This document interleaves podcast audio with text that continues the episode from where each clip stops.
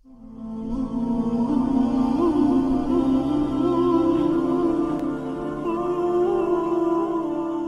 الله الرحمن الرحيم. الحمد لله رب العالمين. والصلاة والسلام على سيدنا محمد الصادق الوعد الأمين. وعلى آله وصحبه ومن اهتدى بهديه واتبع سنته بإحسان. إلى يوم الدين. أما بعد الزراعة في الإسلام. كيف ينظر الإسلام إلى هذه الحرفة أو إلى هذه المهنة؟ إذا راجعنا أحاديث النبي صلى الله عليه وسلم وإرشاداته وتوجيهاته وجدنا بأن النبي صلى الله عليه وسلم يربط المسلم بهذه المهنة أو الحرفة عن طريق طلب الأجر وطلب المثوبه وليدفع بذلك عنه الفقر وليحقق بذلك النفع له ولبيئته ومجتمعه وأمته وليساهم هذا الإنسان في عمارة الأرض التي استخلفه الله سبحانه عليها وفيها. جعل الإسلام لمن يزرع زرعا صدقة جارية له في حياته وبعد مماته. اسمع معي إلى النبي صلى الله عليه وسلم ماذا يقول. قال صلى الله عليه وسلم ما من مسلم غرس غرسا فأكل منه إنسان أو دابة إلا كان له به صدقة. ما من مسلم غرس غرسا. شتلة غرسة نبتة فأكل منه إنسان أي إنسان؟ أو دابة أي الدابة؟ إلا كان له به صدقة. كان له به صدقة. كان له به أجر. واختلف العلماء هل الصدقة تتحقق لهذا المسلم بأكل الإنسان من هذا الغرس مجانا هبة أو مقابل شيء؟ أو مقابل مال. قال بعضهم ينال الأجر والمثوبة والصدقة سواء كان الأكل بمقابل أو دون مقابل. ينال الأجر بمجرد أنه غرس هذا الغرس فانتفع منه إنسان أو انتفعت منه دابة.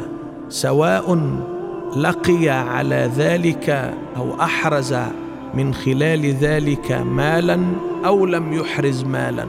سواء كان هذا الغرس قد قدم هبة أو قدم مقابل مال أو أجر أو أجرة. يتحصل بذلك على أجر الصدقة. وقال بعضهم لا يكون ذلك إلا إذا أكل منه الإنسان أو الدابة دون أن يكون قد أخذ على ذلك مقابل. على أي حال وتحت أي قول أو عند أي قول توقفنا فإن الإسلام يحث بذلك على الغرس وعلى الزرع. هذا ابن عباس رضي الله عنهما يخبر أن النبي صلى الله عليه وسلم خرج إلى أرض تهتز زرعا. فقال لمن هذه؟ قالوا اكتراها فلان يعني استأجر فلان. فقال أما لو أنه منحها إياه كان خيرا له من أن يأخذ عليها اجرا معلوما. يعني لو أنه صاحب الأرض أعطاه إياها ليزرعها وليغرسها وليحرثها دون كراء يعني دون مقابل لكان ذلك خيرا له. يخبر أنس بن مالك رضي الله عنه فيقول قال رسول الله صلى الله عليه وسلم إذا قامت الساعة وبيد أحدكم فسيله فليغرسها. إذا قامت الساعة وبيد أحدكم فسيله فليغرسها. هذا الحديث النبوي الشريف يظهر حرص الإسلام ودعوة الإسلام إلى أن يقوم الإنسان بالغرس والزرع ولو أن القيامة ستقوم. إذا قامت الساعة وبيد أحدكم فسيله فإن استطاع ألا يقوم حتى يغرسها أو يغرسها فليفعل. داش مهم هذا الأمر اذن القيامة تقوم وبيد أحدكم فسيله فليغرسها لأن في ذلك نفع للناس. ونفع للنفس ولأن في ذلك تحقيق الأمل. يظهر الإسلام قيمة الحرث وقيمة الغرس وقيمة الزراعة من خلال أقوال النبي صلى الله عليه وسلم. كل ذلك لنصل إلى مكان لا تتصحر فيه الأرض.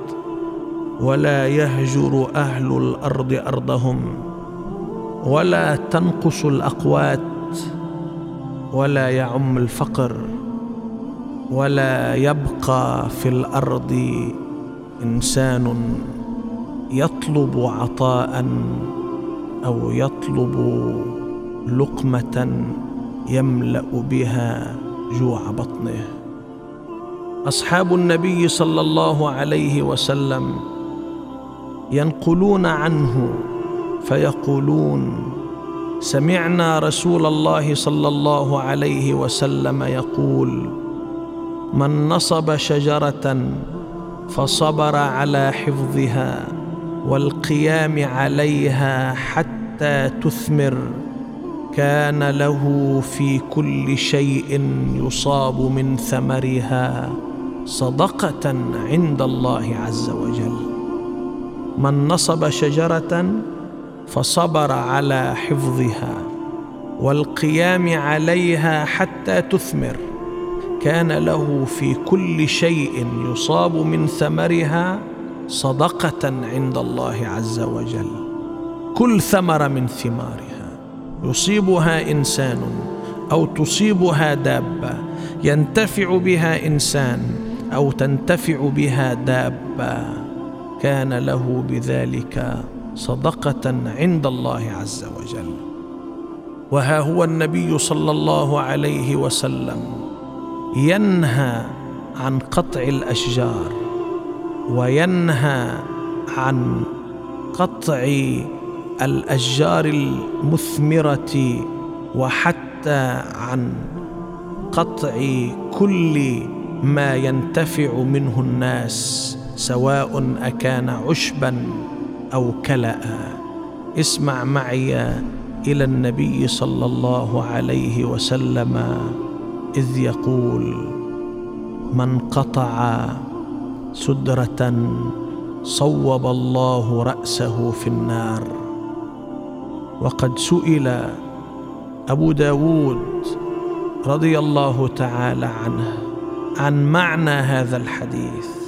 فقال هذا الحديث مختصر يعني من قطع سدرة في فلات يستظل بها ابن السبيل وتستظل بها البهائم من قطعها عبثا وظلما بغير حق يكون له فيها تصويب رأسه في النار.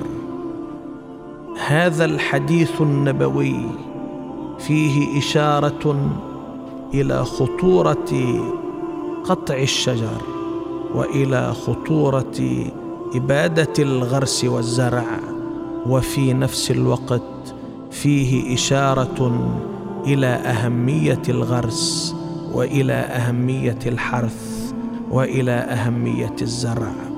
ها هو النبي صلى الله عليه وسلم يوصي أصحابه ويوصي من بعده من الخلفاء الراشدين والصحابة رضي الله عنهم ويوصي أمراء الجيوش حتى في حالة الحرب التي لا يعرف فيها المحارب يمينه من شماله ولا يعرف ليله من نهاره حتى في هذه الحالات يوصيهم بعدم قطع الأشجار وتجنب إفساد الأرض ليوصي بعد ذلك الصديق أبو بكر رضي الله تعالى عنه أسامة بن زيد وهو في معسكره يوصيه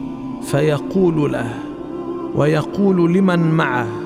وهم متوجهون إلى قتال لا يعرفون أيعودون منه أم لا. يقول لهم يا أيها الناس خفوا أوصيكم بعشر فاحفظوها عني.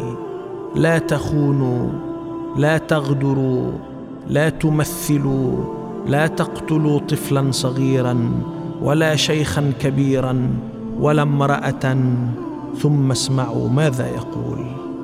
ثم يقول لهم ولا تعقروا نخلا ولا تحرقوه. لا تعقروا نخلا ولا تحرقوه.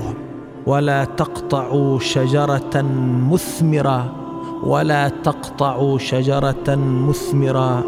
ولا تذبحوا شاة ولا بقرة ولا بعيرا. إلى آخر الوصية. نتابع وإياكم في حلقة قادمة. والسلام عليكم ورحمة الله وبركاته.